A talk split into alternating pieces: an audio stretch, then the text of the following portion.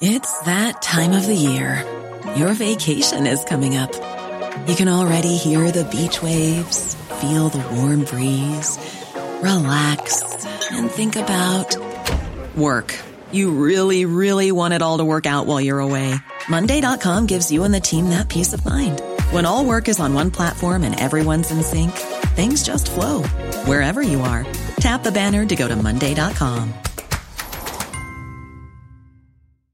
Ready to pop the question? The jewelers at BlueNile.com have got sparkle down to a science with beautiful lab grown diamonds worthy of your most brilliant moments. Their lab grown diamonds are independently graded and guaranteed identical to natural diamonds, and they're ready to ship to your door. Go to BlueNile.com and use promo code LISTEN to get $50 off your purchase of $500 or more. That's code LISTEN at BlueNile.com for $50 off. BlueNile.com code LISTEN. Hey, it's Ryan Reynolds, and I'm here with Keith, co star of my upcoming film, If, only in theaters, May 17th. Do you want to tell people the big news?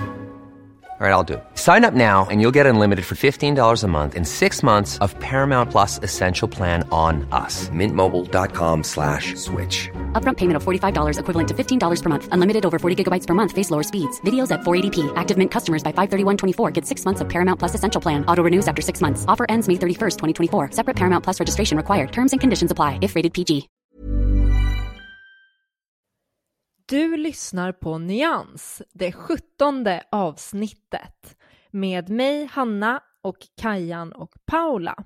Idag ska vi prata om The West Memphis 3 som är ett fruktansvärt mord på tre små pojkar.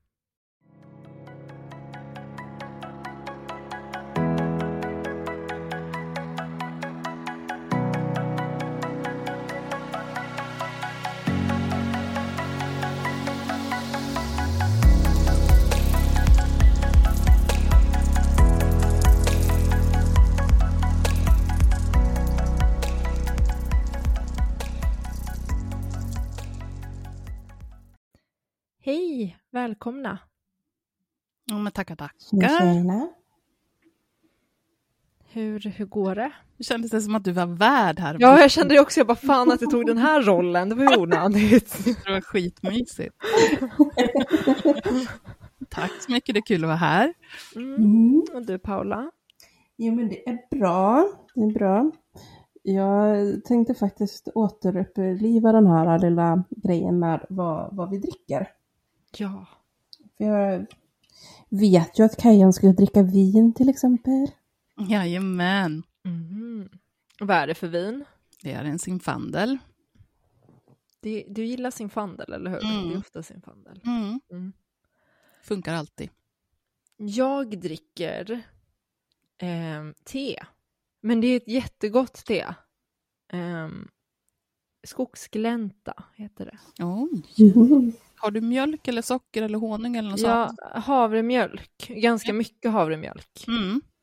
Så att, eh, jag, alltså jag är inte en tedrickare egentligen, men just skogsglänta från Arvid Nordqvist.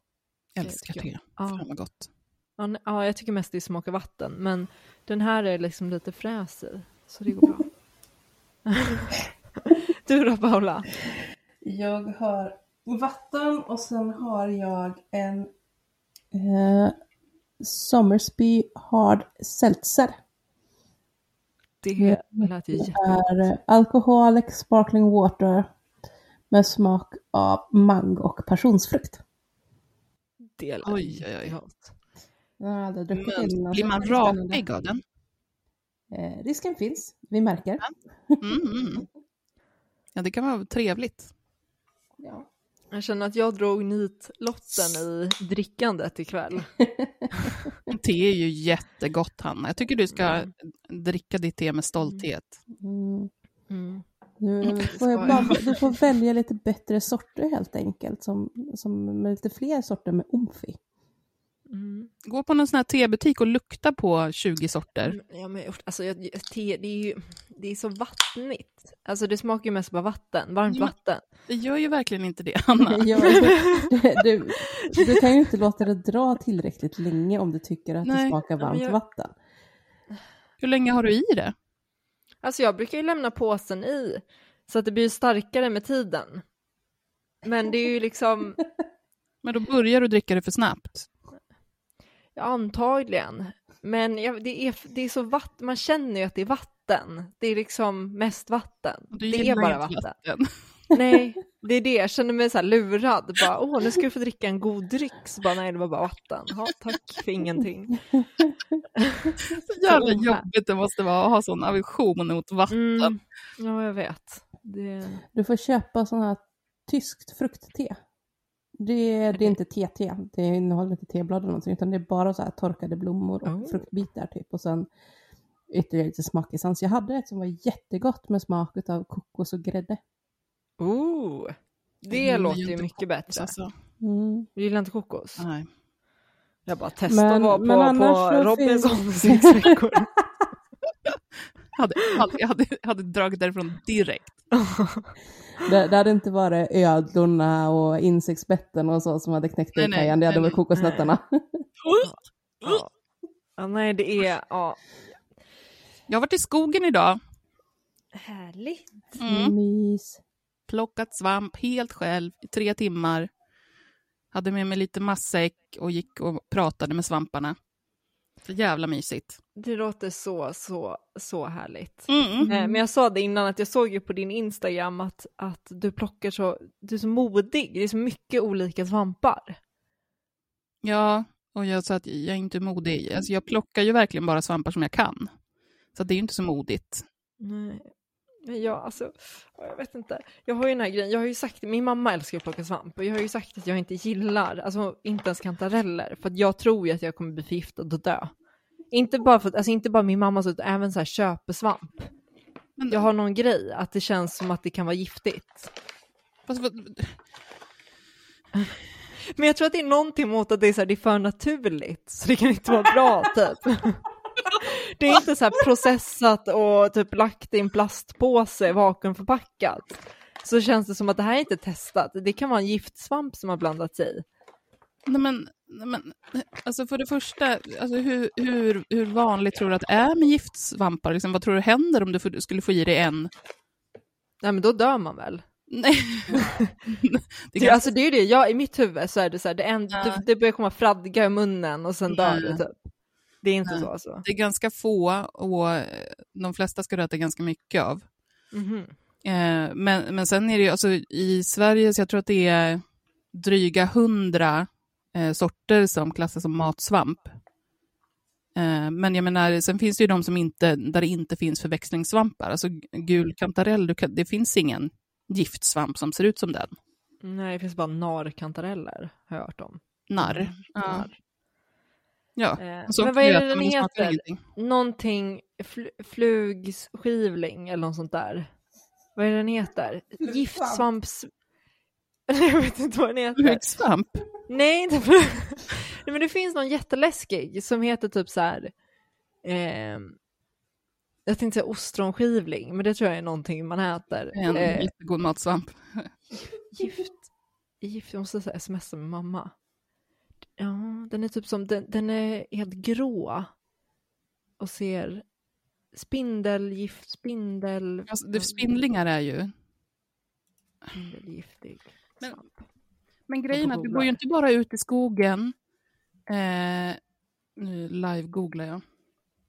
Du går inte bara ut i skogen och bara hm, här ser jag en svamp. Jag har ingen aning om vad det är för något. tar Och vi. stoppar 17 stycken i munnen.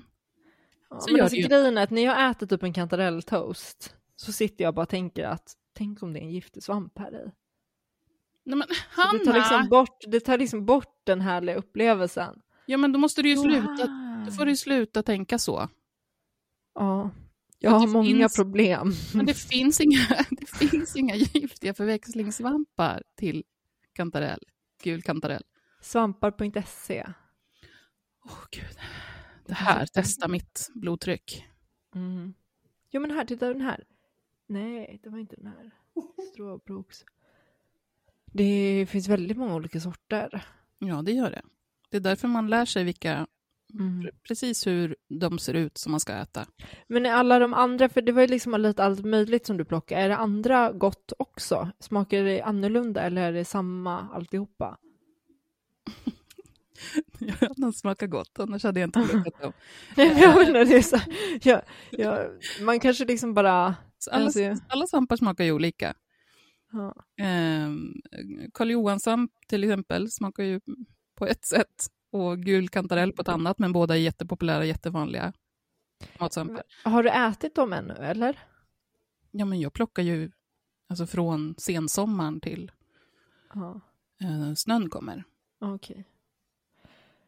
Och Ja. alla, alla år. Jag håller på att kolla på massa olika svampar just nu.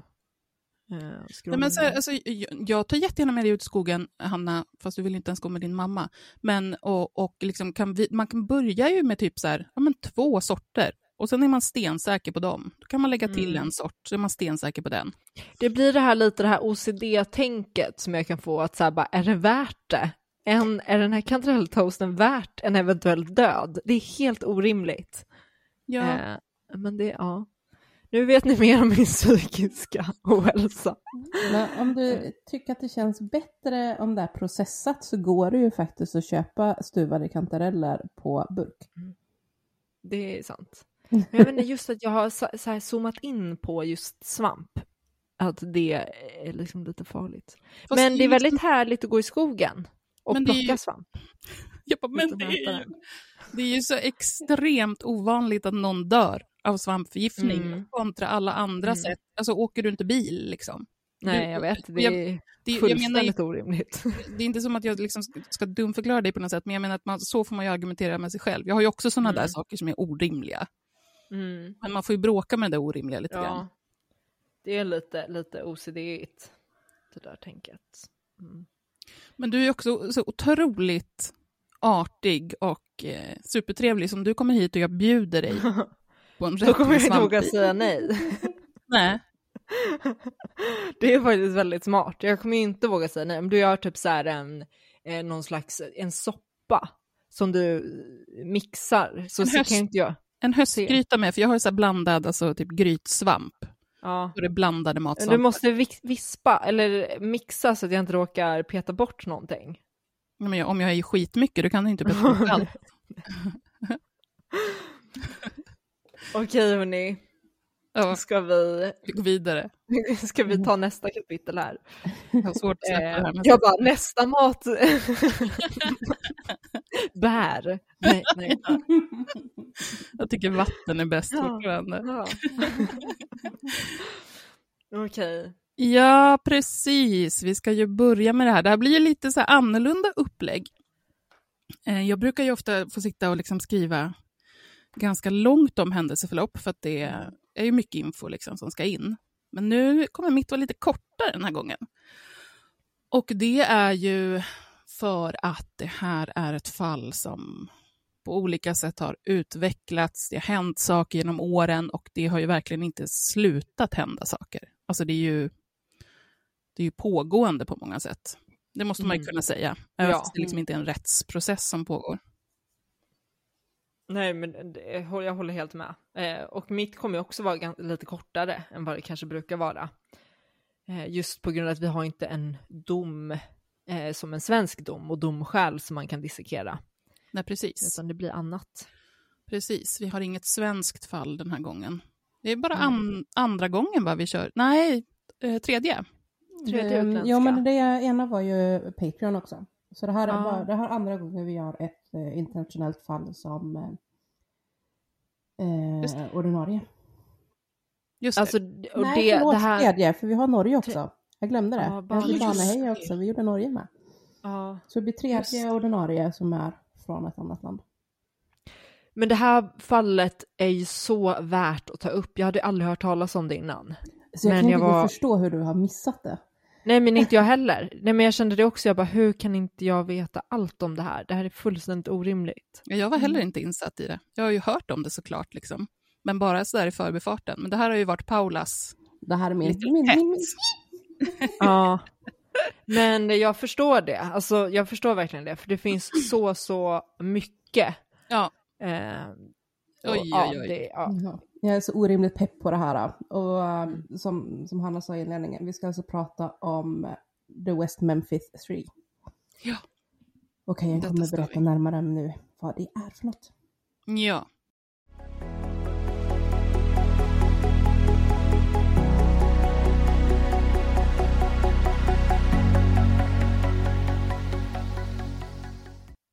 Nyans. Och jag vill liksom börja med att säga att eftersom att det är ett icke-svenskt fall, vi har inga rättsdokument direkt, vi har inte suttit och plöjt något FUP eh, eller, eller domar så, så kommer vi att utgå från eh, framför allt två olika mm, dokumentärserier.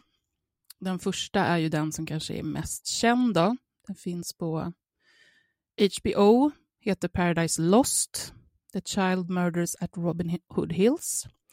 Den är i tre delar. Första kom 1996. De här morden som vi kommer att prata om idag äger rum 1993. Den andra delen i Paradise Lost kom 2000 och den tredje kom Eh, 2011. Och eh, vi kan säga att den är gjord av Joe Berlinger och Bruce Sinofsky. Alla tre delar är tillsammans på cirka sju timmar. Så de är liksom som fullgoda filmer varje, varje del. Sen finns det också en senare dokumentärserie som heter The Forgotten Memphis 3 eh, som finns på ja, Viaplay hittade jag den på. Den är från 2020.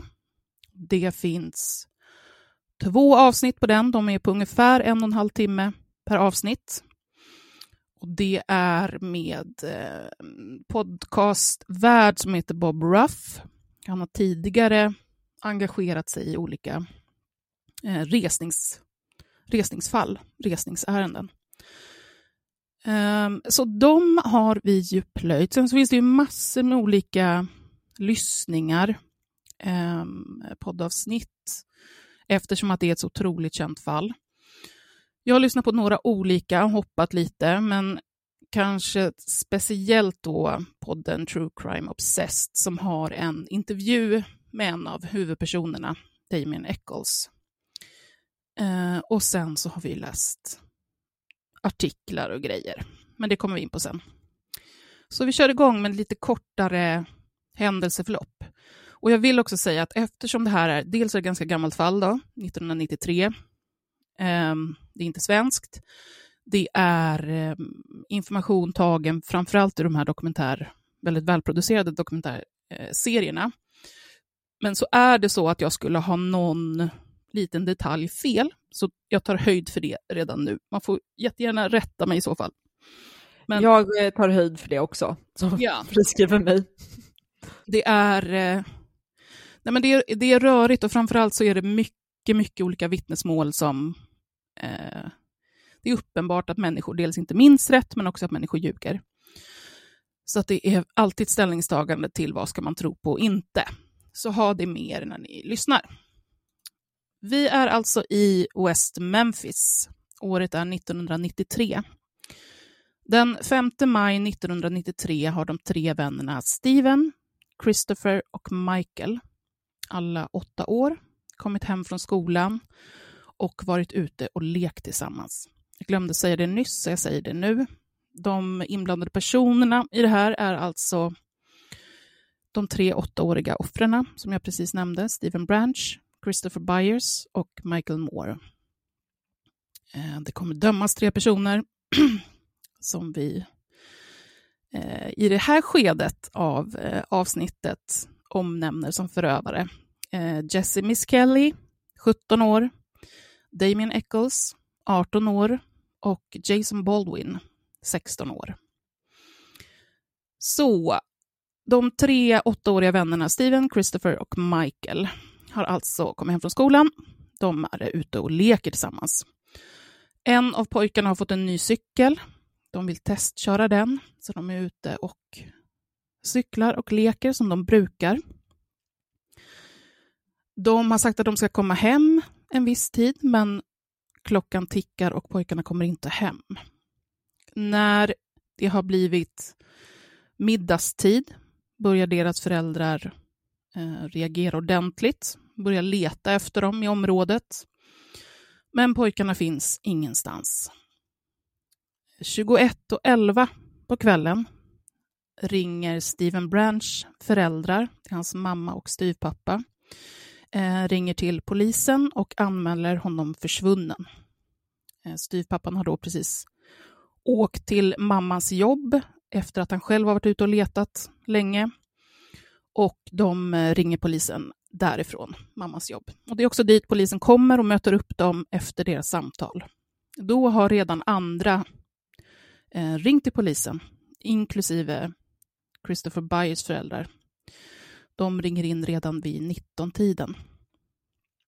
Det har börjat mörkna när vänner och grannar till pojkarnas familjer börjar gå runt och leta och ropa Eh, i grannskapet och området omkring. Inte förrän morgonen efter, när det ljusnar, så kan polisen börja leta ordentligt.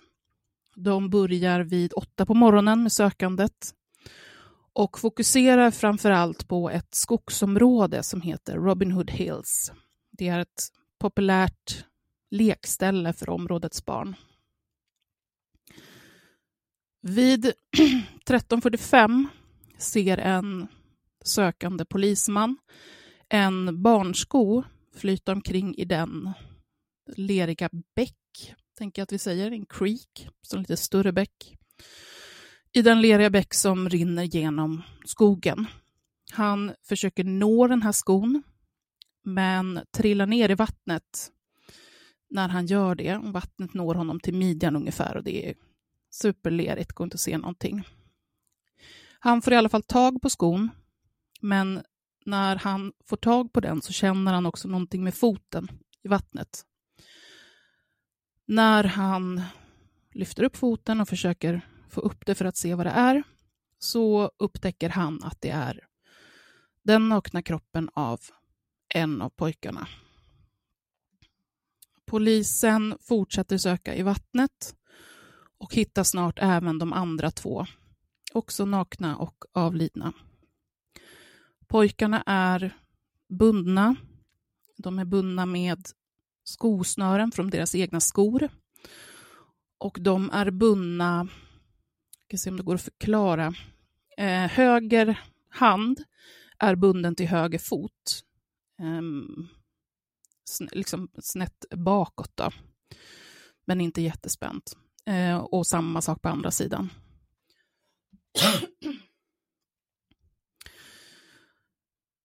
Pojkarna har en hel del synliga skador. De har jack, de har rivsår. Eh, den ena pojken, Christopher, saknar delar av sina genitalier. I vattnet finns också trägrenar som är nerstuckna och liksom sticker rakt upp och ser lite märkliga ut. Och när polisen drar upp dem så hittar de barnens kläder som alltså spetsas fast i botten med hjälp av de här grenarna. Jag har för mig att man hittar alla kläder utom två av pojkarnas eh, kalsonger som man inte kommer påträffa. Längre upp i bäcken hittas pojkarnas cyklar som är nedsänkta i vattnet. Obduktionen ska senare visa att pojkarna dog dels av våld mot huvudet och dels av drunkning. Så att de andades när de kom i vattnet. Av oklar anledning så misstänker även polisen eh, inledningsvis och ganska länge att pojkarna också blivit våldtagna. Åklagarsidan kommer senare att hävda att skadorna på pojkarna har tillfogats med kniv, trubbigt föremål. Det är den linjen som polisen har i det här skedet också.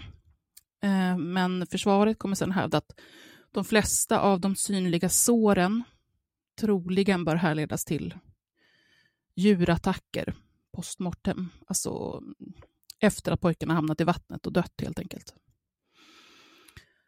Det som händer nu är att polisen ganska så omgående fattar misstanke om ritualmord. I staden finns framförallt en tonåring som man har kopplat till satanism. Han har svart hår, han har svarta bandtröjor, eh, svart nagellack. Han lyssnar på Metallica. Han lyssnar också på eh, Slayer och U2, men det är framförallt Metallica som lyfts, lyfts fram. Det finns vittnesmål som hävdar att den här tonåringen, som alltså heter Damien Eccles och är 18 år, ska ha uppgett till sin präst att han har sålt sin själ till djävulen och att han kommer hamna i helvetet.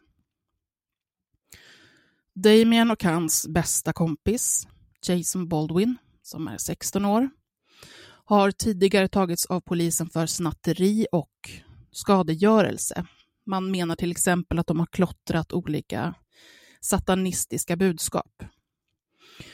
Det finns också uppgifter om att polis direkt när man hittar offren säger någonting i stil med eh, Damon Eccles har till slut haft ihjäl någon alltså.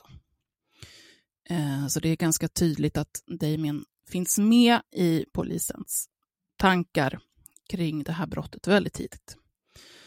Eftersom polisen är övertygad om att det hela handlar om ett sekteristiskt ritualmord som då innefattar kastrering, eh, eventuellt drickande av barns blod.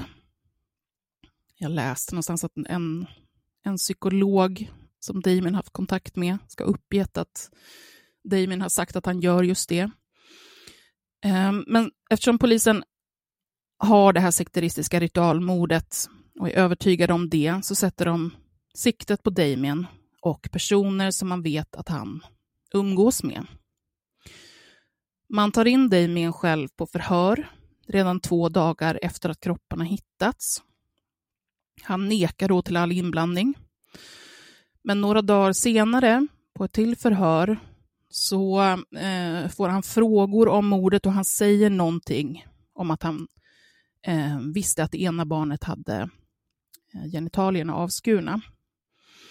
Polisen tar fäste vid det här och menar att det är något som han inte borde veta om han inte var gärningsmannen själv.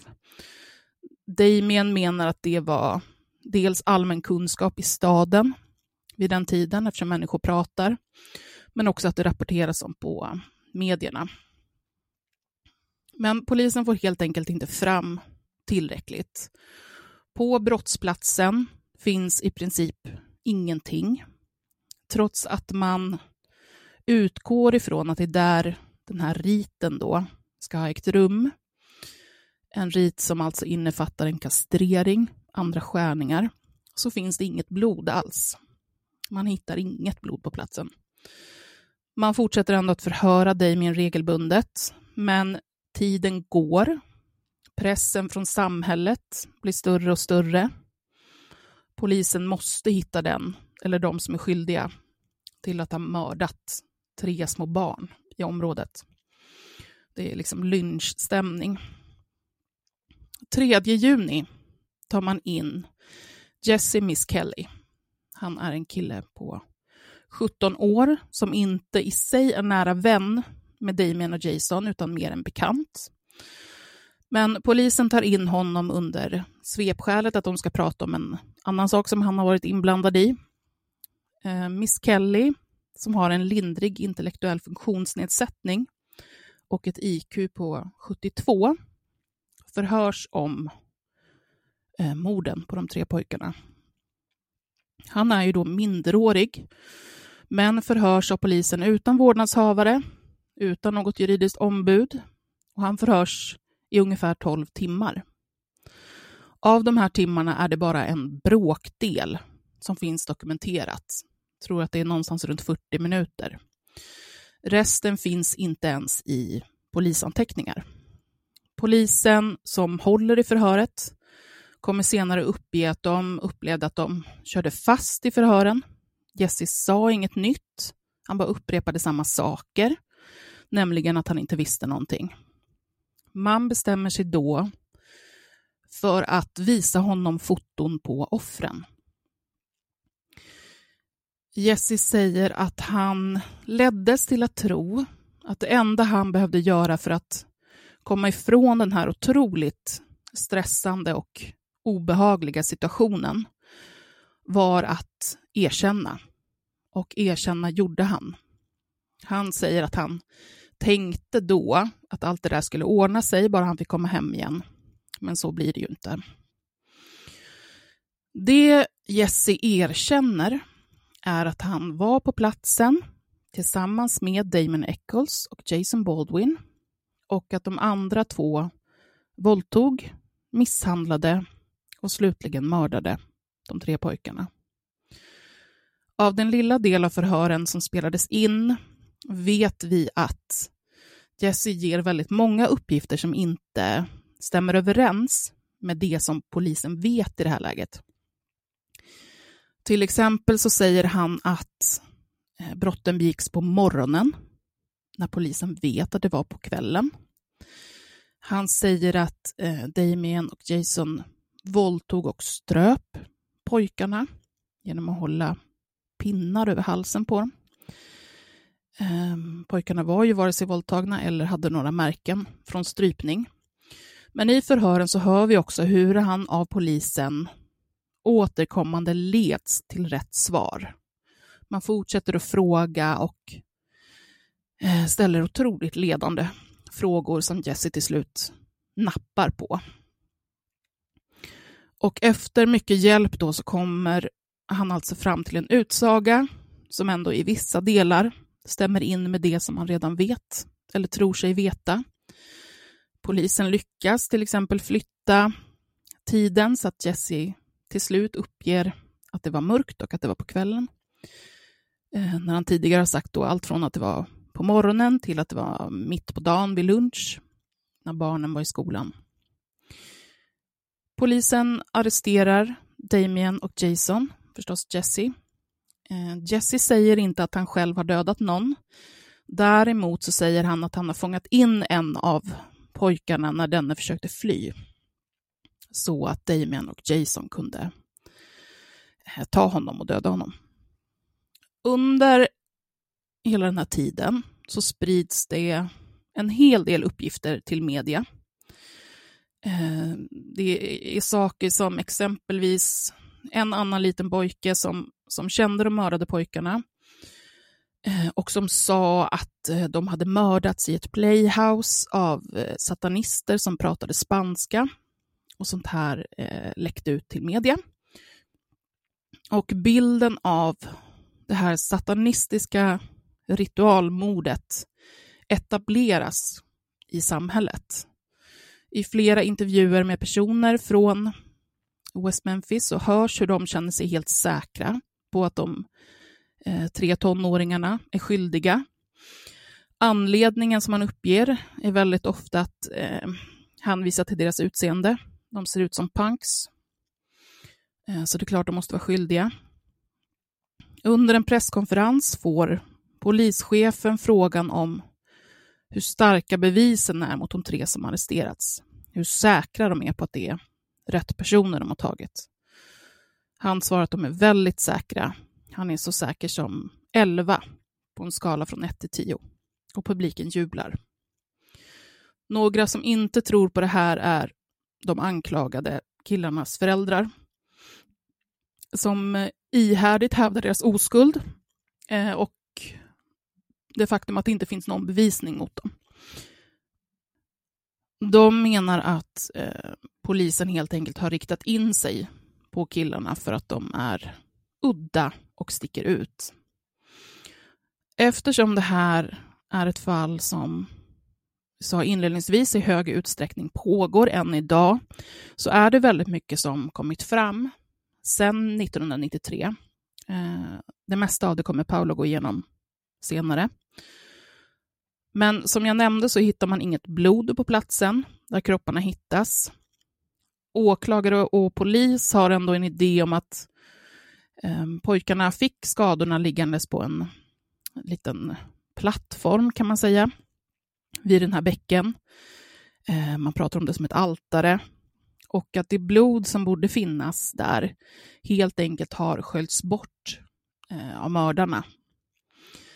När det kommer till teknisk bevisning i det här stadiet så handlar mycket om en kniv som man hittar i en sjö så sent som 17 november. Sjön låg precis vid Jason Baldwins hus och man kommer mena att det här, eller i alla fall yrka på att det här med stor sannolikhet är vapnet som användes vid morden och man menar att det är Damiens kniv. Ehm, det som inte tas upp så mycket i dokumentärerna, men som jag har läst på andra ställen, är att man hittade väldigt många knivar under den här utredningen. Det låg liksom knivar och skräpande lite här och var, eh, men som inte av olika anledningar liksom stämmer in, tycker man. Men den här kniven är det man kör på. Kniven är lång, den har en väldigt taggig ägg eh, på ett sätt som man menar stämmer överens med märken på offrens kroppar. Det ska tilläggas att i förhör, i det här erkännandet som man har fått av, av Jesse, så eh, pratar ju han också om den här kniven. Men han beskriver den då som en eh, ganska liten, ihopfällbar kniv, vilket eh, den här inte var. En annan kniv som förekommer i utredningen, det är en till som man eh, i alla fall tar med, Eh, vid den här tiden i alla fall, och det är från försvarets sida. Det är en kniv som tillhör Mark Byers, som alltså är den mördade Christophers styvpappa. Eh, den kniven kommer upp till ytan genom produktionen av den här HBO-dokumentären som är med och på plats hela tiden under rättegången och liksom lär känna alla de här personerna. Eh, Styrpappan har gett dem kniven som en present och han säger då att den aldrig används, den har bara legat i en byrålåda. Men när produktionen tar emot kniven så ser man någonting på den, något som liknar blod eller vävnad och de lämnar in den till polisen. Det visar sig att det finns blodrester på den och att det blodet eh, stämmer in på både Mark Byers och hans eh, styvson. Inte så att det är båda deras DNA blandat, utan att det skulle kunna tillhöra eh, en av dem. Liksom. Annan bevisning man tittar på under förundersökningen handlar om Damiens religiösa tillhörighet. Han är katolik men har rört sig mot den eh, nyhedniska religiösa rörelsen eh, Wicca, som jag tänker att de flesta har lite koll på. Um, Wicca är ju, betyder ju häxa och uh, häxeriet som man kopplar till Wicca ses i alla fall av den här utredningen och åklagarsidan som nära kopplat till satanism. Och den här satanismen hittar man tecken på att Damien också inspirerats av. Han har läst böcker och sådär. Eh, och jag ska nog egentligen inte säga mer, för det är dags för rättegångarna. För det är flera rättegångar, eller hur Hanna?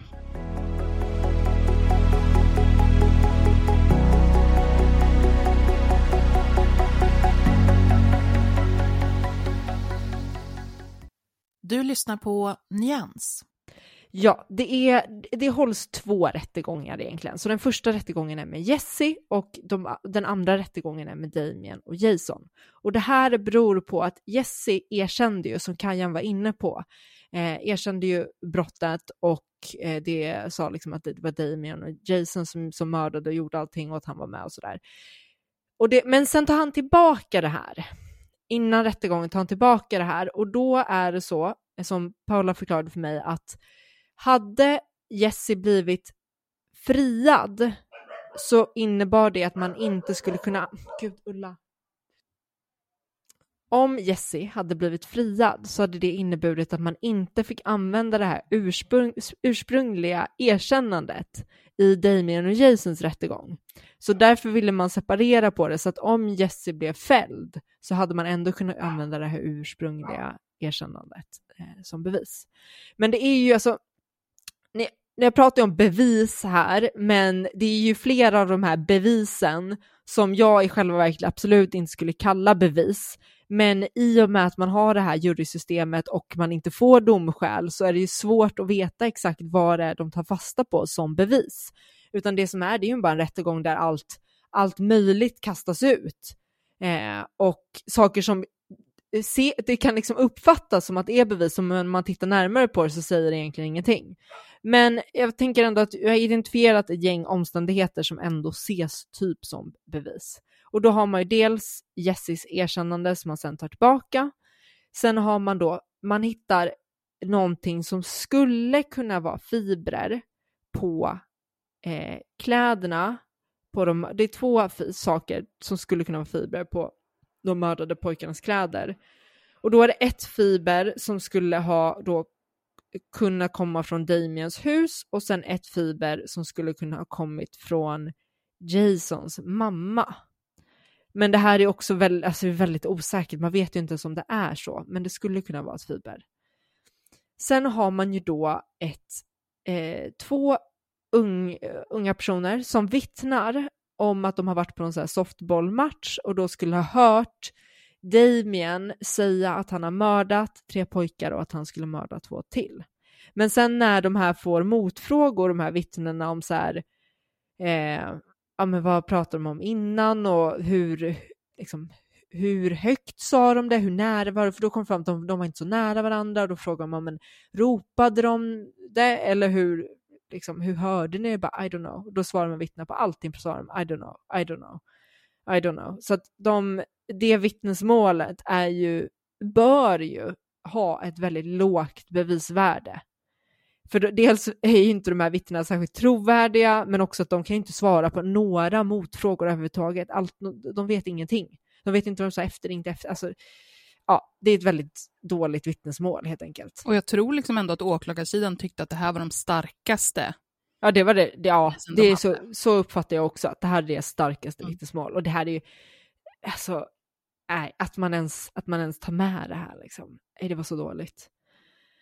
Um, Sen har man ju då en medfånge som har suttit med Jason som åklagaren drar upp eh, att, att vittna. Och de vittnar den här medfången om hur Jason har berättat för honom om att han har, eh, hur han mördade de här pojkarna.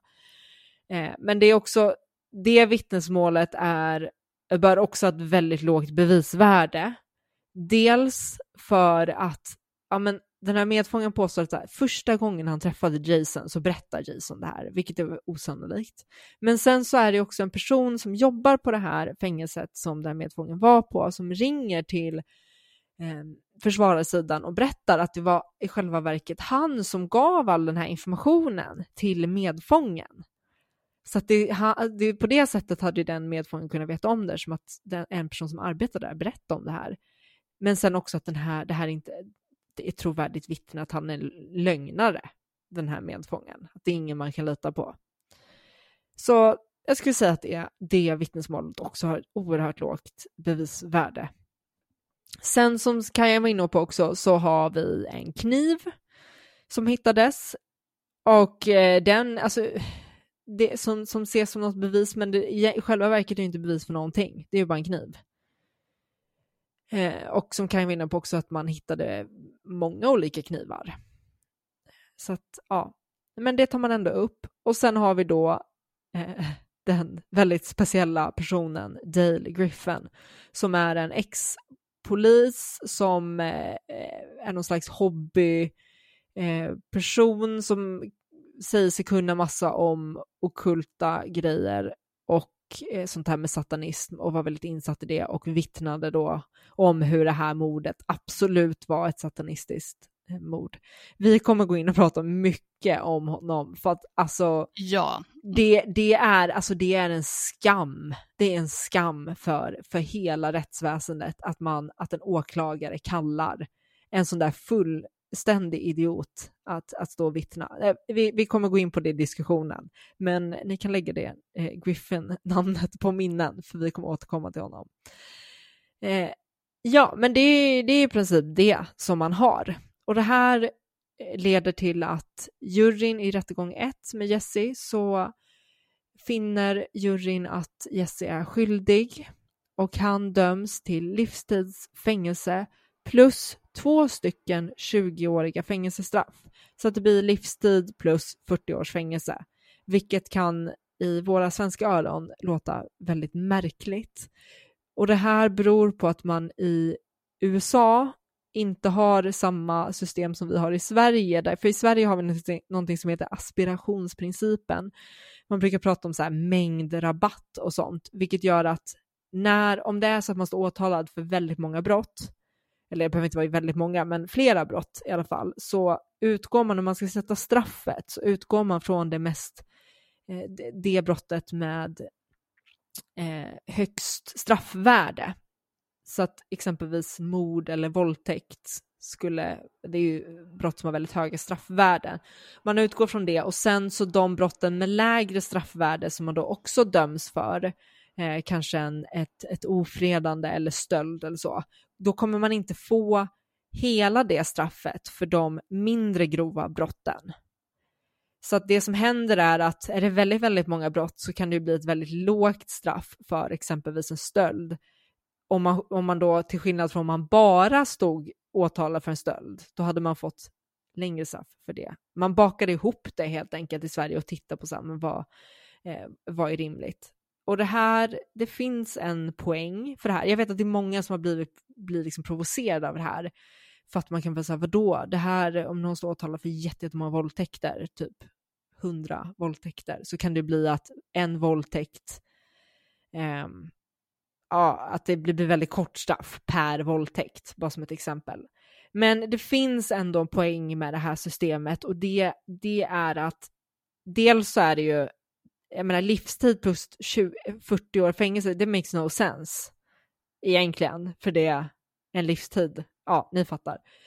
Men sen är det också det som kan hända när man gör på det här sättet som man gör i USA, det är ju att om någon begår väldigt, väldigt många små brott så kan ju det i slutändan bli ett väldigt långt straff som blir ändå orimligt i förhållande till hur allvarligt ett brott är. Och då kan det bli så att någon som kanske begår en massa eh, ministölder, eller kanske inte mini, men begår massa stölder får ett längre straff än någon som har begått ett mord eller en våldtäkt.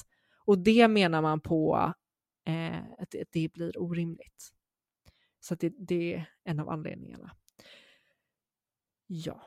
Men han döms i alla fall till livstid plus 40 år i fängelse och får, han döms för first degree murder som är typ som mord. Och så eh, döms han, han döms för first degree murder på Michael Moore.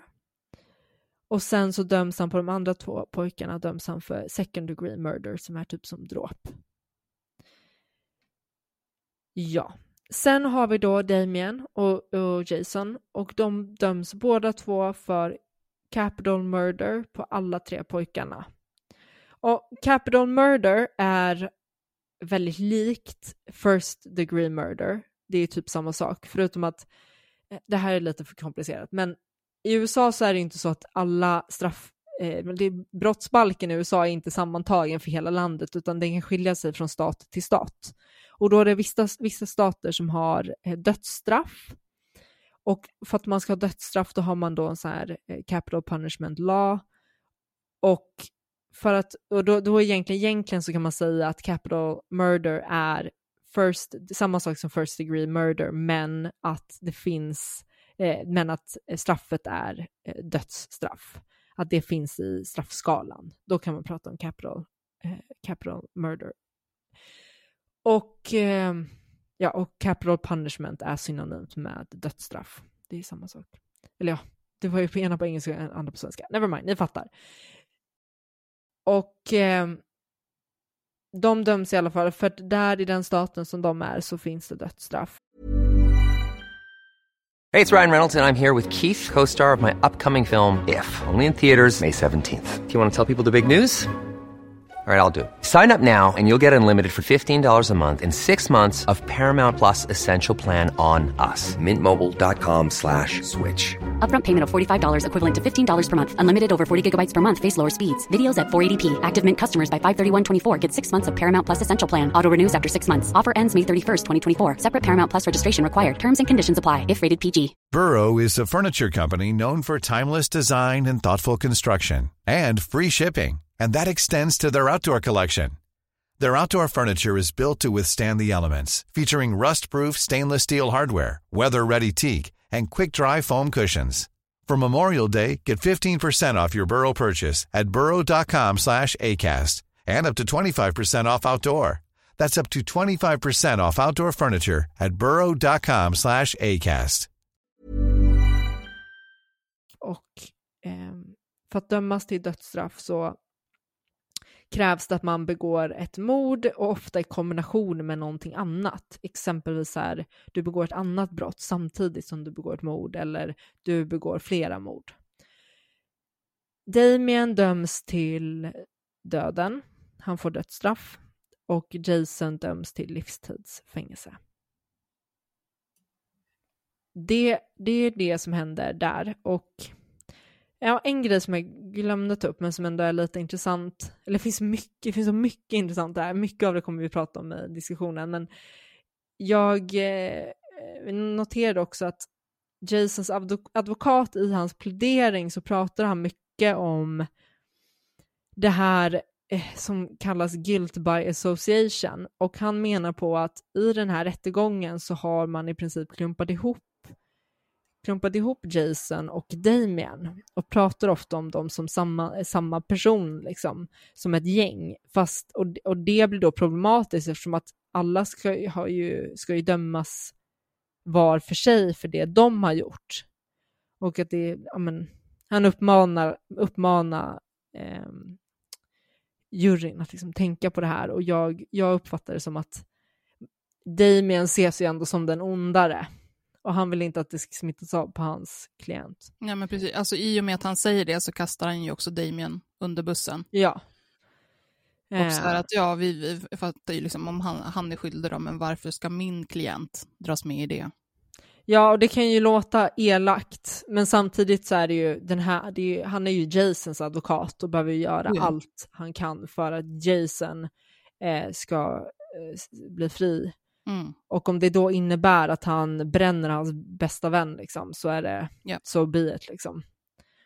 That's the life of a lawyer. Ja, hur som helst. Det här, eh, så det är det som händer. Och eh, det här överklagas såklart. För det gör det alltid. Och det överklagas till, eh, men typ som hovrätten. Och i första instans så blir det, eh, man, man, ja, domarna står sig helt enkelt. Man ändrar ingenting. Sen så händer det massa grejer. Men jag tänker att vi, vi tar det i diskussionen. Nu får Håller experten på fallet ja. över. Det är nu Paula bara, nu måste jag rätta alla. nej, nej, nej. nej. bara, vi tar det från början. nu jag kommer in och bara ja. reder upp här. Ja, det är bra. Ja, eh, uh. Vi, mm, vi börjar från början igen. Helt enkelt. Och det gör jag inte för att jag ska rätta någonting, utan för, för att annars kommer det bli omöjligt att hänga med i det här. För nu, nu kommer svängarna. Så nu är det bara att knäppa fast sig här. Um, om vi börjar där som Kajan pratade om, den här eh, Paradise Lost-filmerna och går tillbaka till den allra första så kom ju den alltså ut 2000, jag vill säga, 96. Eh, så att det är ungefär, ja, vad blir det? Två år efter att domarna föll. Så det var ungefär den tiden det tog att klippa klart allting, redigera och så vidare och få den att ge. Och när filmen släpps så blir det ramaskri. Inte bara i USA utan i hela världen, men kanske i eh, ja, i synnerhet blir det ju i USA. Och eh, när andra filmen då eh, kommer tillbaka här med uppföljaren så, så får man följa mycket då olika aktivister som, eh, som har börjat samlats vid eh, Ehm, ja, när det är nya rättegångar, varje gång någon av dem ska upp mot, eh, för prövning för att försöka få eh, till en ny rättegång. På olika sätt så försöker alla, alla tre liksom att ogiltigförklara sina rättegångar på olika sätt. Eh, Damien till exempel försöker hävda att han hade dålig advokat eh, som inte hade tillgodosett hans bästa. Och ja, man, det är många vändningar liksom i det här. Och då börjar man också peka tillbaka på de här första rättegångarna och polisutredningen och sådär och, och frågasätta lite grann varför missade ni de här sakerna? Eh, man pratar till exempel om att det fanns vittnesmål om en svart man som kommer in på en restaurang som ligger i, eh, vid en sån här truckstop. Den här truckstoppen ligger precis vid det här eh, Robin Hood Hills. Och den här svarta mannen ska ha varit blöt, blodig och verkat väldigt förvirrad och betett sig väldigt konstigt. Uh, och, och då börjar man fundera på, ja men kan inte han haft någonting med det här att göra då? För han hade ju kommit in där mitt i natten på en tid som passade ihop med att han skulle ha kunnat mörda de här tre små pojkarna och sen eh, varit på den här äh, truckstoppen och gjort sig lite ren och så försvunnit. Men äh, det här har polisen inte haft något intresse av alls, så det är ingenting som har kollats upp. Eh, men, och den aldrig tog några ordentliga vittnesmål, ingenting. Man börjar också titta på, eh, men gud namnet. Hjälp mig, styrpappa, äh, eh, adoptivpappan där. Eh, Mark eller Byers? Ja, precis. Tack. Eh, man börjar titta på Mark Byers, han som lämnar in kniven eller lämna, gav den här kniven i present och det här blodet och liksom fråga vad, vad är han för en typ då? Och eh, Mark Byers är jättekonstig i den andra filmen. Jätte, jättekonstig eh, på många sätt. Han, eh, jättekonstig. Ja, alltså, han... Ja, men till exempel, han går till den här äh, bäcken där pojkarna hittades och så hamrar han ner tre stycken kors och sen tände han eld på fotografier utav Damien, Jesse och Jason och står och skriker om hur eh, helvetets eldar ska sluka dem och att han inte kommer att vila förrän de har fått sitt riktiga straff, vilket är döden. Något att leva på fängelset är för gott för dem typ. Och, och massa sådana grejer. Han står utanför eh, eh, rättegångarna där och häcklar de här aktivisterna som är där och liksom får säga att de här är oskyldigt dömda och ja, men beter sig märkligt liksom. Och sen kommer det fram då att eh, han ska ha slagit sin fru, bland annat, och att hon har dött under väldigt mystiska omständigheter. Eh, som, som man liksom inte har kunnat utreda. Och man får aldrig något svar på heller hur, hur hon har dött under hela den här filmen. Så när de försöker kolla på det där så får de bara från polisen att det är oklart, eh, oklar dödsorsak och utredning pågår, så de får aldrig några svar. Ehm, det kommer bevisning i form av att man hittar vad man tror är bitmärken eh, på en av pojkarna. Och ehm, man tänker där att eh, ja, då, då skulle man ju kunna kolla det, för det är ju starkare bevisning egentligen än fibrer. Som är väldigt svåra att liksom verkligen ringa in eh, exakt. Och då kommer det fram att Mark Byers inte har några tänder längre. Han har eh, hel sån eh, tandprotes. Och när de börjar fråga liksom varför han inte har några tänder så kommer han med den ena konstiga förklaringen efter andra. Det är att han har knarkat sönder dem så att han var tvungen att dra ut alla. Eh, han har varit i slagsmål, han har bara inte skött tandhygienen. Alltså det är massa olika förklaringar som, som gör liksom att folk börjar få mer och mer misstanke om mot honom. Han erkänner också att han eh, eh slog sin adoptivson men att han ändå älskar honom jättemycket och det är hans pojke. Liksom. Och, och han en sån här grej som verkligen skaver hos mig, är att han hela tiden kallar de här åttaåriga pojkarna för babies. Att... Eh, Jag vet. Gud vad det störde mig. Så they, obehagligt. they murdered our, our three babies, they are baby killers. Uh, my, my baby, I, I loved him so much, he was my baby. Alltså baby, baby, alltså hela tiden verkligen. Som för att Ja. understryka på något sätt att de, de var små. Man bara, jo men de var fortfarande inte bebisar. De var pojkar, så det, det hade funkat fullständigt eh, adekvat att säga boys. För att de var små pojkar liksom. Han är ju alltså extremt teatralisk. Mm. Det finns ju liksom också scener liksom vid styrsonens gravsten då liksom. Han, han ställer till med en show, han vänder sig till kameran och håller liksom tal. Mm, och pekar med fingret in i kameran och, Ja, och typ talar till Damien framför allt då, för att det är ju han som får den största skulden i det här. ja och han faller så här Mm. långsamt ner på knä, alltså verkligen typ som Mm. att han faller ner på knä i slow motion. Det är så konstigt. Ja, han, och det, det är också någon sån här grej att han, ehm, eh, han och, frun då innan hon gick bort så eh, blev de dömda för stöld hos sin granne bland annat. Och eh, efter det så mm, de har flyttat runt lite grann. Och sen kommer det fram också att han blev dömd för att han eh, stod med vapen, med en pistol i hand eh, och tvingade bort folk ifrån att ingripa. Gevär till och med. Ty, ja, precis, gevär var det, just det, typ Mm. hagelbössa. Ja. Eh, och motade bort folk och hotade att skjuta dem om de kom för nära. Eh, och så slängde han till eh, en kniv till en grabb som var 16-17 typ.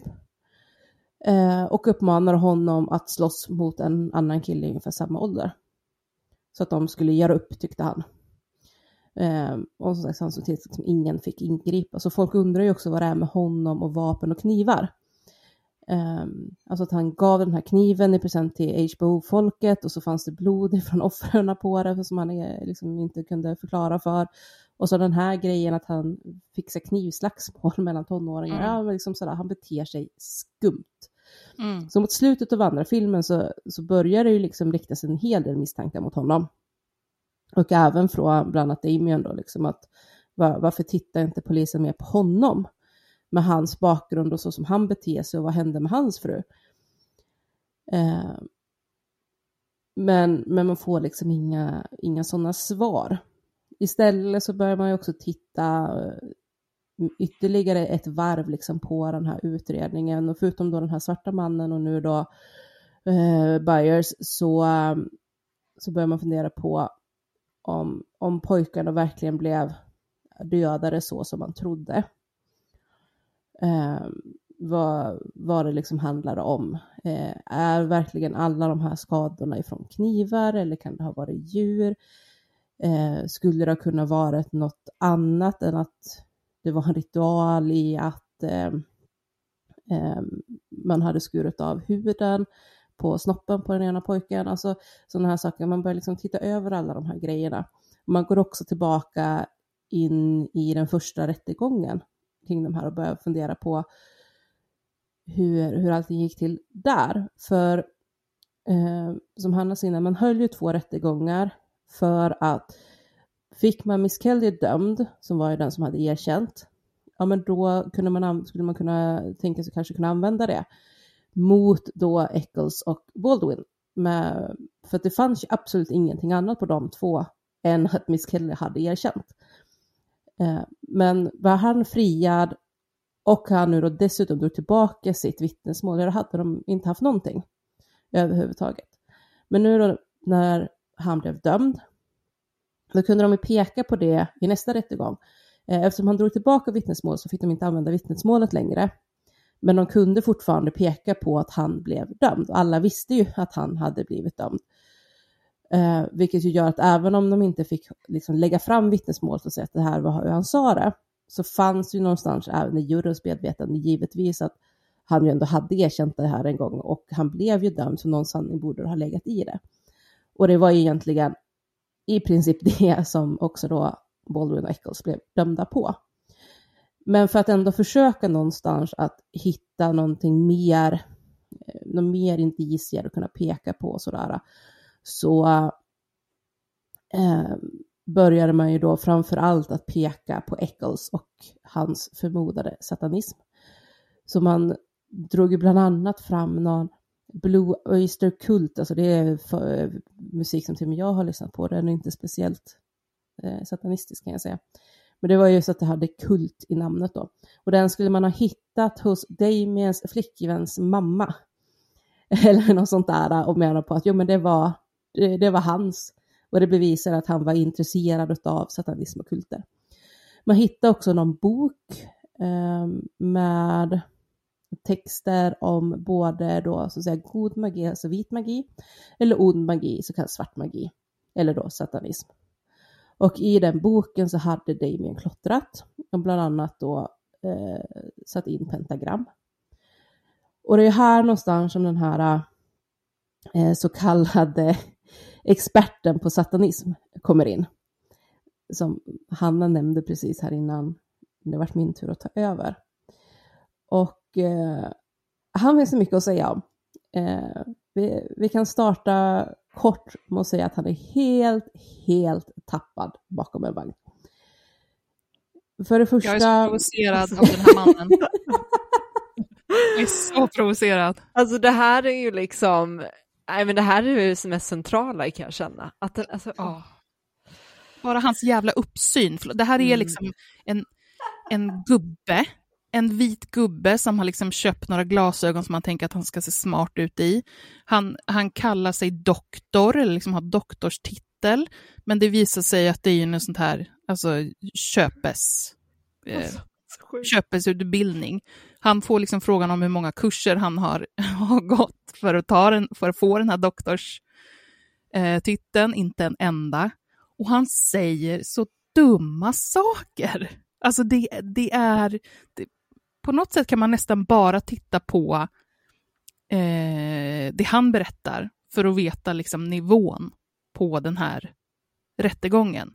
Alltså det roligaste tycker jag är nästan när han, av domaren också, som, som av någon anledning har väldigt mycket respekt för den här han är ju en vit man, Kajan. Exakt, det finns inget annat att ha än respekt. Det är så jävla konstigt. Exakt. Men, och domaren liksom lutas fram och frågar eh, någonstans bara så här, siffran tre, har den någon, någon betydelse inom, inom satanismen?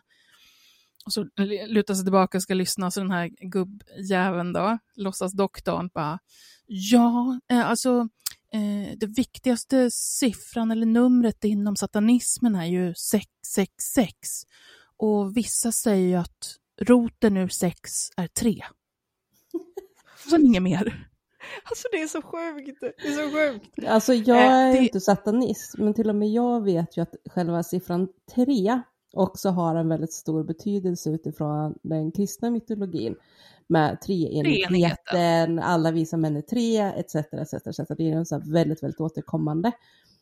Um, och eftersom satanismen ska vara en motståndsrörelse till kristendomen och därför lånar i princip allt ifrån kristen mytologi fast vänder på det ja. så, så är det ju helt absurt att liksom inte kunna, om man nu ska vara expert på satanism, inte veta att ja, siffran tre har eh, ett väldigt viktigt värde i satanismen för att det har det i kristendomen.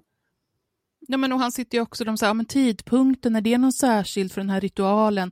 Då sitter han och namedroppar olika eh, ska säga, satanistiska högtider som är några veckor innan, någon månad efter eh, helt olika. Det vill säga han svarar nej, det fanns inte. Pratar liksom också om eh, Åh gud, det är så mycket som är så himla dumt. Men också den, den första grejen, i alla fall dokumentären som de liksom börjar med, så här, men har, eh, finns det några kännetecken klädmässigt med satanister? Din erfarenhet? Han bara, ja, eh, ja, med min erfarenhet så kan jag säga att eh, de har ofta svarta kläder och färgar håret svart och har svart nagellack. Och, och det är liksom också... man, visst, man får ta det för att det här är 93 och att de på riktigt tror att Metallica är satans musik. Eh, den typ snällaste eh, vaniljhårdrocken som existerar. Men fortfarande att inte ha... Jag vet ju att försvarssidan försöker till domaren så här, men det här är ju inte det här är ju inte ett expertvittne. Alltså han är ju inte... Nej. Han, han har ju inte en doktorstitel egentligen, han har ju köpt den. Och att domaren liksom helt går i försvar. Bara, Jag tycker inte man behöver ha det, utan har man kunskap och erfarenhet inom ett ämne. Det är ju supersnäsig. Men sen är det väl också så här, eh, jag är ju jättedålig på matte, men jag menar roten ur sex är väl ändå inte tre? Och det vet inte jag. Jag kan googla. jag, jag bara känner att roten ur nio är väl tre? Ja, jag tror Ja, men för hans- det var två va? Ja, för han säger att vissa säger att some say Som, att, att roten ur sex är tre. Vem säger det? Alltså nej! Roten ur sex är 2,4494897. Some say. Alltså åh, bara gå och lägg dig. Ja, men det är verkligen, det här är, det här är ju åklagarsidans liksom Ja, alltså- expertvittne. Det här är ju typ the low point för hela rättsväsendet, typ ever. Alltså det här är Ja. ju så dåligt. Jag kan få säga att roten ur 6 är 2,5. Ja, Ja. där, där har vi det. Och avrundat så blir ju det 3. Så han kan väl få ett halvt rätt på det. Men det är det enda jag tänkte ge honom. Egentligen är roten ur sex 2,44 någonting, så då ska det ju avrundas neråt, då är det ju två. Mm, sant. Så that's wrong. Mm, mm. Nej, han är, och han är så smagg. Och han, är, Ja. eh, han är en riktigt vidrig vit man som har eh, hybris och tror att han kan bara liksom skita ur sig sanningar så kommer folk applådera det och, och sälja det som guld. Ja, Liksom. men- och folk det värsta- gör det. Ja, ja, det är det som är grejen, att det är exakt det som händer också. Det är ju Mm. det värsta. Ah, Ja. men Jag tänker också på det här när de tar den här boken och han ska sitta liksom och, och bläddra i den och förklara saker och eh, han då hittar någonting, då är det någon text om det här med livskraften i blod. Och som man börjar peka på liksom i en stor grej av att det på något sätt skulle bevisa att de nog drack de här små pojkarnas blod. Och ehm, försöker någonstans styrka det då till att det här var satanistiskt. Och när Damien får frågor om det här när han eh, blir förhörd, eller ja, under rättegången då, ger sitt vittnesmål, så säger han liksom bara att, men, att han är wicca för att det är åt naturhållet. Eh, man, man tillber en gudinna istället för bara en gud och sådär, men i grund och botten så är han ju katolik. Och har alltid varit, liksom, men, men med en dragning även till den här typen av naturmystik. Eh, Men det är ingen som riktigt tror på. Sen har man ju också hela det här att media ju också då spelar med väldigt mycket i det här. Alltså de, de tar ju alla de snaskigaste detaljerna och, och skriver om det. Men de vrider också på mycket grejer. Eh, de är liksom.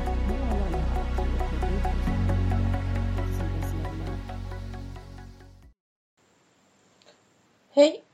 Eh, det här är slutet på del 1. Så ehm, häng kvar så kommer det en eh, veckans snackis. Eh, ni som är Patreon, ni får del 2 om en vecka. Och ni som inte är Patreons får eh, del 2 om två veckor när nästa ordinarie kommer ut. Eh, Ja, glad lyssning!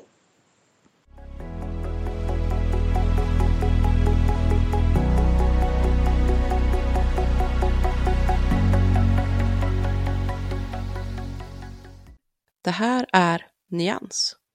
Jag vill prata Katrin Zytomierska och eh, Bingo Rimér. Ja. Let's go! Oh lord. Det här har ju blivit en jätte, jättesnackis. Det är nog ingen som riktigt har kunnat missat. Och eh, det har ju föranlett sen också eh, debattinlägg i Aftonbladet, tror jag det var. Flera hade skrivit eh, en debatttext, bland annat Ida Östensson. Kan ha varit DN också, jag blir lite osäker på tidningen, skitsamma. Eh, många stora konton som har gått ut och skrivit. Eh, och det är alltså då här i helgen som var. Nu spelar vi in det här tisdag den 20. Så det här var ju lördagen vad blir det då? 18? Nej. Ja. 17 blir det va? På lördagen. Gud, jag kan inte tänka nu. Jag har liksom en kalender bredvid mig, Ja, men jag orkar liksom 17. inte. Lördagen den 17 september. Ja. Så äh, Katrin har fyllt år, 45 om jag kommer ihåg rätt. Mm. Och eh, har anordnat då baluns.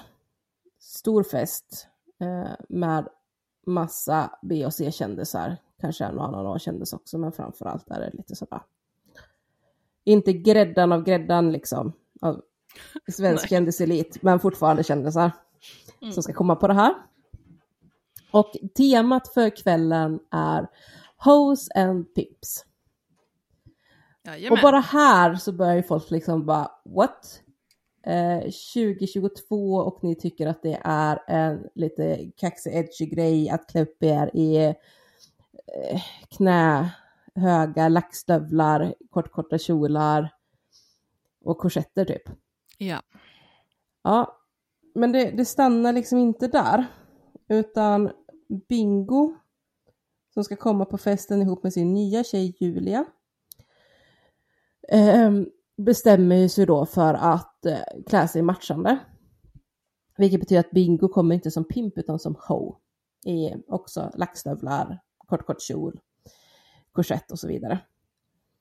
Eh, och till, för att liksom verkligen sockra den här bajsmackan så har de fått idén då att Katrin och Bingos två söner som är 9 och 12 år gamla ska få följa med och överraska sin mamma med ett framträdande ihop med Sean Banan som ska vara på festen. Såklart. Ja. Och eh, eftersom det är ett temaparty så tycker man ju då att sönerna också behöver vara klädd enligt tema. Och eftersom pappa Bingo ska gå som ho så ska också sönerna göra det. Så de här pojkarna klassas också upp i högklackade lackstövlar. Åtminstone den ena och den andra och bara högklackade skor. Eh, stay up, alltså knästrumpor, strumpebandshållare utanpå kortkorta kjolar. Någon form av minikorsetter som lämnar magen bar och varsin liten pälsjacka. Och så drar de till festen. Och på väg till festen så filmar bland annat Julia när de sitter i taxin med de här pojkarna eh, och lägger ut i sina stories inför tiotusentals följare. Eh, där eh, hon frågar då pojkarna, vad är ni? Och eh, pojkarna svarar, vi är, och sen säger den ena pojken ganska lågt, horor. Varav Julia glatt och högt eh, gastar, horor, det är vad vi är. Och så går det vidare till nästa klipp. Det tas massa foton på de här barnen på festen, det läggs upp fler bilder och så vidare. Och när folk börjar vakna till där på söndag morgon och ser alla de här bilderna upplagda med de här barnen så kan vi väl säga att eh, skiten träffar fläkten ganska rejält. Ja. Och nu får ni komma in. Nej men alltså jag kommer ihåg att jag såg det där och bara, jag trodde nog inte att jag skulle bli förvånad av någonting som Katrin och Bingo pysslar med. Men, men det här var ju ja, eh, eh, bortom allting. Men framför allt att det här är inte någonting som de liksom bara har, har gjort hemma och, och tagit familjefoton på och lagt upp, utan det här är en fest. Alltså det här är jättemånga människor som har fått en inbjudan, fått det här temat och bara haha, vilken rolig grej, det här gör vi. Alltså så många människor som inte någonstans har fått en liten, liten, liten skavmagkänsla, bara, är det här en, en rimlig sak att göra? U utan bara folk som går och bara tycker att det är en, en kul grej och som heller liksom inte säger någonting. När det står alltså, små barn, en 9 och en 12-åring. Och man liksom koketterar med att de är horor. Jag tror att alltså det som jag störde mig nästan mest på var ju också det här försvarstalet som Katrin sen kom med. Där Ja. hon på något sätt helt låtsas. Hon låtsas som att hon inte förstår alls vad den här kritiken handlar om och att gör det till att det på något sätt handlar om att, att folk tycker att det är fel att pojkarna har vad hon kallar klätt ut sig i tjejkläder. Och att det är Mm, det som är felet. För det första är det så här, vadå, vadå är det, är det att klä ut sig som hora, är det då tjejkläder? Vilket, alltså jättekonstigt. Men sen alltså helt, säger ingenting om den faktiska kritiken. Utan bara, Mm. det är alltså så här, typ gaslightar folk till att så här, det är ni som det är fel på, som inte ser hur att vi, vi leker med könsroller typ. Ja, och så här, om, om ni sexualiserar mina barn Alltså, för att de har tjejkläder så är det ju eran sak. Ni, sit, ni Om sitter ni och kallar dem för horor. Ja, om ni sexualiserar, alltså kom igen. Eh, nej men jag kan det, läsa jag, hennes svar. mm, ja men gör det. De skriver då, eller det de skriver, för grejen är att de har ju skrivit exakt likadant, alltså har gjort ett inlägg gemensamt, Mm. Katrin och Bingo, och så postar de det på respektive Instagram. Så Katrin postar på sin och Bingo postar på sin med ett identiskt inlägg. Och det de skriver då är Det känns märkligt att behöva förklara och ursäkta oss för gårdagens händelse, men då det rör barnen ser vi inget annat val än att förklara för er som är upprörda. Det, det att vissa av er kopplar två små pojkar utklädda till flickor som något sexuellt får stå för er. Vi har inte haft som avsikt att göra det och med våra ögon sett har vi inte gjort det heller. Bingo älskar att klä ut sig till kvinna. Han växte upp med tre systrar och brukade låna deras kjolar och smink. När Katrin skulle fira sin födelsedag igår så ville pojken också klä ut sig till tjejer precis som pappa. De hade skrivit en egen låt och ville göra en show för sin mamma tillsammans med barnartisten Sean Banan. Detta var innan festen satte igång. Innan alla vuxna började dricka drinkar och dansa på borden. Ringo och Rambo hade så kul och fick så mycket uppskattning. Sen åkte de hem med barnflicka. Båda killarna tycker att det är spännande med smink och att få leka med könsroller. Vi har aldrig haft för avsikt att sexualisera våra barn i bild eller på film. Men eftersom det finns personer som uppfattat bilden utmanande så har vi valt att ta bort alla bilder med våra barn i tjejkläder. Våra, eh, våra barn har växt upp i en miljö med fotograferingar av olika slag. Vi ser inte att det här är något negativt. Att kritisera en temafest med olämpligt tema får man också göra, men Pimps and Hoes out- outfit kan man köpa på Buttericks, så det känns inte heller vidare extremt. Så det, det är också så lite kul liksom, nej men att den här outfiten finns tillgänglig att köpa i butik. Det, att då är det liksom, gör rimligt. Att Då går det bra att sätta ut Då är det, på som, barn. Mm. det går ju att köpa blackface-produkter också. Mm. Så här, ja, men, Alltså det, det sjuka är ju att Julia går ju också ut med en förklaring eh, lite senare, eller ja, samma dag där på söndagen. Och hon skriver att eh, ja, hon är hemskt ledsen och hon förstår varför det här har tagits fel. Men det var ingenting de alls tänkte på eller reflekterade över när de gjorde i ordning för festen och de hade jättekul. Eh, och att eh, de här pojkarna fick låna hennes kläder. Så nu Mm. är det plötsligt inte något sånt att de har köpt det här på Buttericks, utan nej. eh, det är hennes kläder. Och då blir det Fast- liksom så här bara, fast, fast vänta nu. En nioårig pojke och en tolvårig pojke i kläder som är korta, alltså det är kort korta kjolar på dem också. Det, det är väl en nioåring som har en längre kjol och den slutar på typ halva låret. Eh, Medan en tolvårig pojke har en kjol som liksom precis täcker rumpan. Och båda har eh, någon form av korsetttopp-aktigt som är jätteliten liksom. Med push-up. ja, med push-up grej liksom så här. Och man bara, ska, försöker hon påstå att hon som är en vuxen kvinna på ungefär 30 bast, 1,82 lång, Med enorma bröst. med enorma bröst för hon har fixade tuttar, Ja. att hon skulle ha samma storlek som en nioårig pojke på 30 kilo och 1,20 i längd, typ 1,30 kanske. ja, men det är såna, det är så, det är så mycket bullshit. Alltså också i den här, eh, när de då, för sen växlar de ju upp lite och, bör, och börjar lite mer så här, vi känner djup ånger det här, som liksom Julia var inne på. I, till Aftonbladet så säger ju Bingo, Eh, vi känner en djup ånger att det blev så fel. Vi vill såklart be om ursäkt för det här ogenomtänkta agerandet och vi har tagit till oss av kritiken och vi förstår innebörden. Vi tyckte det var modigt och roligt av killarna att de ville klä ut sig till tjejer. Men alltså, åh, era, ni Du fattar har ju ingenting! Ni har fattar ju ingenting! Inte tagit till er Ni har inte tagit in någonting. Stängt innebörden. öronen, helt övertygad om att de gör rätt i alla situationer. Det är alla andra som Mm. är problemet.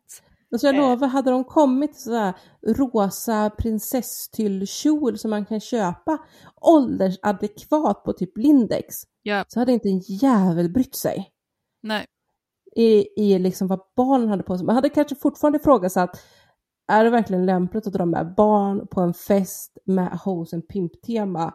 Och varför är ni så dumma i huvudet att ni överhuvudtaget har en fest med det temat 2022? Borde ni inte fatta bättre? Ja. Men just att man klär upp barnen i den styrseln också. Och sen försökte säga när de var utklädda till tjejer. Alltså budskapet där blir ju att alla tjejer är horor. Ja, ja, ja, ja det, är exakt, det är exakt det som är budskapet. Sätter ju likhetstecken Ja. mellan det. Ja. Sen, sen har jag sett lite såna här, och från mer feministiskt håll, liksom invändningar mot att så här, ja fast tjejer får faktiskt ta på sig eh, vilka kläder som helst, det är inte kläderna, det ska inte sexualiseras liksom och det är påtvingat. Eh, fast, fast vänta nu, naturligtvis, och vi befinner oss i en, eh, i en samtid där kläder är kopplade till olika saker och det här, sånt, sånt här kan man naturligtvis eh, jobba på att motverka om man tycker det är viktigt. Men att den här typen av kläder, speciellt när det är i den här kombinationen som är, är sexualiserat finns det inget tvivel om. Nej. Och när det då handlar om att man sätter det på små barn Mm. så är det rakt av rent olämpligt och ett påtvingat... Man, man, tvingar in barn i en sexualiserad eh, situation Mm. och kontext. Mm. Mm. Jag kan bli så Och grejen är irriterad ju på den där också- grejen också. Ja, men det är så och att jag kan känna att det är väl inte klä, alltså huruvida kläderna är sexualiserade eller inte som är problemet. För grejen är så här, alla tycker ju om att få känna sig sexiga ibland. Ja. Och att vi då har vissa kulturella normer för hur man kan klä sig för att få känna sig sexig. Ja. Det är vad det är liksom. Ja. Det, det är ju inte det det ska handla om, att alla kvinnor ska kunna få ta på sig vad de vill utan att bli sexualiserade. Nej, man ska kunna få ta på sig kläder för att man vill bli sexualiserad. Men det betyder inte att det blir fritt fram för män att göra vad de vill. Det är där liksom Ja. fokuset borde ligga. Ja. Men barn ska inte dras in i det oavsett. Nej. Det, det är det som är så sjukt. Och mycket av kritiken, alltså både det jag har skrivit men det som var också huvudskapet i den här debattartikeln. Eh, jag såg att inte din hora har skrivit Talita, Paulina som vi hade med i intervju Ja. och så vidare lyfter ju också det här att det en sån här fest med den här typen av tema gla, glamoriserar är ju faktiskt prostitution. ja, visst.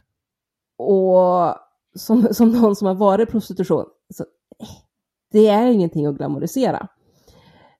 För absoluta majoriteten av alla som någon gång har varit i prostitution lever med PTSD livet ut utav de erfarenheterna.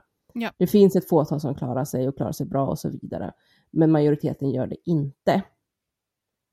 Och, och som jag tog upp, för det, det är ett perspektiv jag kände försvann lite granna, just att man lyfter det här med, med själva temat och så, men i vissa fall när man liksom varit lite obekväm kanske med att dra in det faktum att barnen var med och barnen också var utklädda, så kände jag så att det har inte jag något problem med att dra in, för det, det är min huvudsakliga kritik. Att vuxna är dumma i huvudet, det kan de få vara. Mm. Och det kan man kritisera också, men när barnen dras in så blir det liksom riktigt, riktigt olämpligt. Mm. Men det är ju också det faktum att det finns barn i prostitution.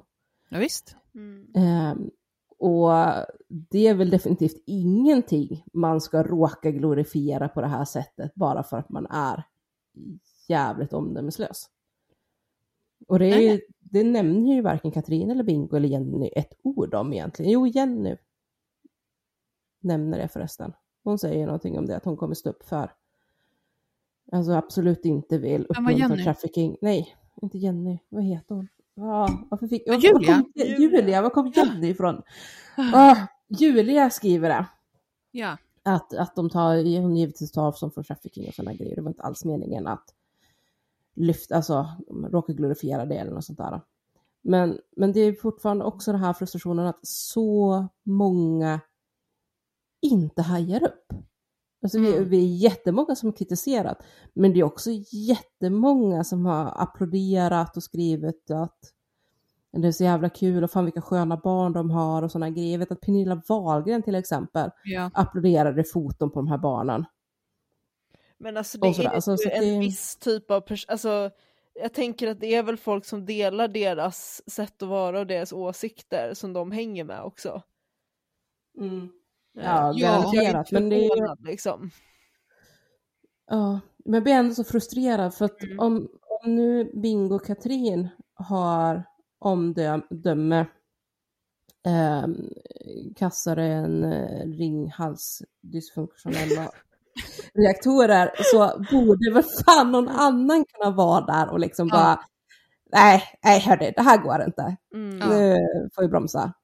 Ida Dessutom Varg var ju... alkoholen, men det är fan en parentes.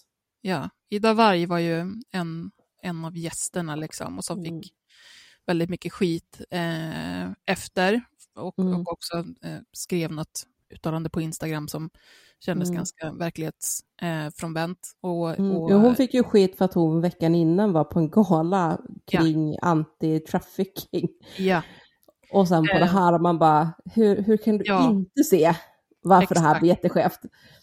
Och jag, skrev, jag känner inte Ida på något sätt, aldrig haft någon kontakt med henne, men, men eh, så, som jag brukar göra, försöka öppna någon, någon sån här liksom diskussion vid sidan av, att det inte bara ska bli så här hetsigt utåt, liksom. skrev till Mm. henne i DM. Eh, Ida har ju svinmycket följare, kan tänka mig bara hur det har rasslat till i hennes inkorg. Mm. Eh, men jag hörde från andra, eh, andra av mina följare också som hade kontaktat henne, att hon svarade på allting Mm. eh, lyssnade in och tog till, och, tog till sig och vi hade en, en, tyckte jag, liksom bra diskussion där det kändes som att hon ändå liksom, eh, fattade och eh, inte försökte lirka sig ur det.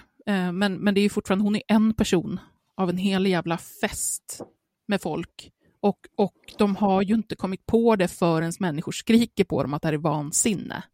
Mm. Varför Men är det det, är det som är så sjukt. Det är det som är så jävla sjukt. Att verkligen ingen där hajar till om att det här är ju inte rimligt. Någonstans. Men, men det enda så här, upside för mig med hela den här grejen, det är ju ändå att det på ett litet bananskal så blev att porrfritt barndom vart indragen. Och jättebombade med kritik. Ja. Och det, det väl så här, man bara, det här, det är alltså här ni drar gränsen. Man, man kan visa hur de fifflar med ansökningar till arvsfonden för att få ett miljonbelopp och Ja. ljuger om grejer som de lägger upp och massa sådana grejer och folk bara meh. Men det här, här drog man gränsen. Och det som alltså hänt var att, vad kan det vara nu, två, tre veckor sedan, så utannonserade de att de har en ny föreläsare som heter Marika, som ska börja vara ute i skolor och så då och föreläsa om porrprevention och porr för barn och unga och även för lärare. Om jag förstod det rätt, men framförallt för barn och unga. Om, om porr och sådär. Eh, och hon kommenterade ju då en av de här bilderna med barnen. Och den här bilden är att Katrin står på ena sidan, lite så framåtböjd. Och sen är det Katrin och Bingos två söner och mellan dem så står också Bingos 19-åriga dotter. Och sen är det Bingo. Så att liksom centrum för bilden är ju de här barnen. Ja. Eh, och till den bilden så hade då den här Marika kommenterat dör med jättemånga ö och sen en massa emojis, såna här skrattande hjärtan, applåder, bla bla bla. bla, bla. Och, och då var det någon som kommenterade på det, bara, men du, är inte du ny föreläsare för porrfri barndom? Mm. Hur lirar att applådera till barn uppklädda som horor? Som se- själva säger att de är horor. Ja. Ehm, med det porrfri barndom f- står för. Och eh, bloggbevakning så, så den här kommentaren, lyfte ut det och eh, hittade då på Marikas Instagram någonting där hon hade lagt upp just om porrfri barndom och sen den här kommentaren. Eh, med, med resultatet då att Porrfri Barndom lägger upp att eh, de under söndagen ska vara på någon sån här peppdag i Täby eller något sånt där. Och att man kan komma och hälsa på dem där. Eh, och istället får de bara massor, massor, massor med kommentarer. Vad va fan sysslar era nya föreläsare med? Mm. Gud vad jag tappar förtroendet för er, fan vad oseriös och så vidare och så vidare och så vidare. Och det blev inte jättemycket bättre då utav att Porrfri Barndom kör copy-paste svar. Ja, sann... det gör de ju alltid. ja, så de bara, vi, vi ska undersöka saken, det här är absolut ingenting vi står för. Copy-paste på alla svar liksom. Och sen efter ett tag så kommer ett nytt copy-paste-svar. Vi har haft ett samtal med Marika och eh, samarbetet är avslutat. Mm. Eh, vilket folk inte riktigt nöjer sig med, så de stänger av kommentarerna ett tag och sen kommer upp ett nytt inlägg, igår kanske det var, eh, om det här, att de absolut inte står för det här, att de har jobbat mot barntrafficking. Eh, det var nyheter för mig. De har aldrig sagt ett ord om det innan, men fine. Eh, och att de inte har något samarbete med Marika längre. Och, och det riktigt så här småaktiga från mitt, från mitt håll, det är att jag satt och fnissade lite grann över att Marika kommenterar det här mm. med att eh, hon är hemskt ledsen för det som har inträffat. Hon står naturligtvis inte för att det är någonting kul med, med barntraffickingoffer. Eh, att hon skrattade åt mannen i peruk som hon tyckte såg så rolig ut. Eh, som hon sen förstod var Bingo. Men hon hade inte riktigt sett det först. Hon hade inga eh, glasögon på sig. Hon hade, inte, hon hade druckit två glas skumpa och hade inga glasögon på sig. Så att hon, eh, hon hade liksom inte riktigt sett hela bilden och förstår ju så här i efterhand varför kontexten blev jättefel. Eh, ska du ljuga om saker, sluta ljug så jävla dåligt. Det är inte så svårt att dra till med någonting som ändå är trovärdigt i en lilltå. Mm. Det är så dåligt. Det är så jättedåligt. Men i alla fall, den kommentaren tog Porrfri Barndom bort. Oh. ja, jag har suttit och myst lite över det här för jag tycker det är så kul när de kommer i knipa för någonting för de är så värdelösa som organisation. De är så värdelösa. Åh! Ja, men där, där drog folk i gränsen verkligen för eh, när förtroendet för porrfritt barndom gick i botten. Som en liten parentes till hela den här storyn. Ja, det kan vara bra att ta med sig. Det är just när det blir de här, men tänk på barnen. Mm. Eh, när det blir så in their face, då, då reagerar alla mammisar. Ja. Och med det avslutar vi del 1 av West Memphis Tree. Om ni tyckte att det här var intressant så, det, det tyckte ni ju såklart, eller hur? Så gå in och ge oss fem stjärnor på Spotify eller där ni lyssnar. Mm. Lämna litet omdöme, vi läser allting, eh, tar till oss och blir jätteglada. Mm. Tack så mycket. Det var bra, då hörs vi nästa vecka. Jättebra. Hej då!